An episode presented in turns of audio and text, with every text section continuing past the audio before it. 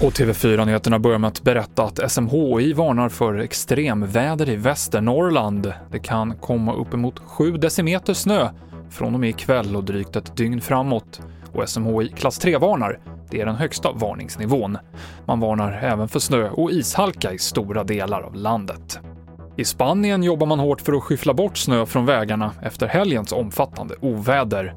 Madrid fick 50 cm snö, vilket beskrivs som det värsta ovädret på 50 år.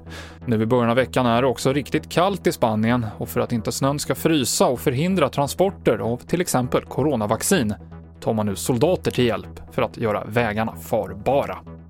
Och idag så börjar vaccinationen av vårdpersonal i Region Skåne. Det är akutpersonal som det främst handlar om, runt 3 500 doser skickas till några av sjukhusen i Skåne idag, skriver regionen i ett pressmeddelande. Folkhälsomyndighetens prioordning för vaccin är att boende och personal på äldreboenden ska få först. Men i Skåne har man flyttat fram en del sjukvårdspersonal i kön. Och det var TV4-nyheterna med Mikael Klintevall.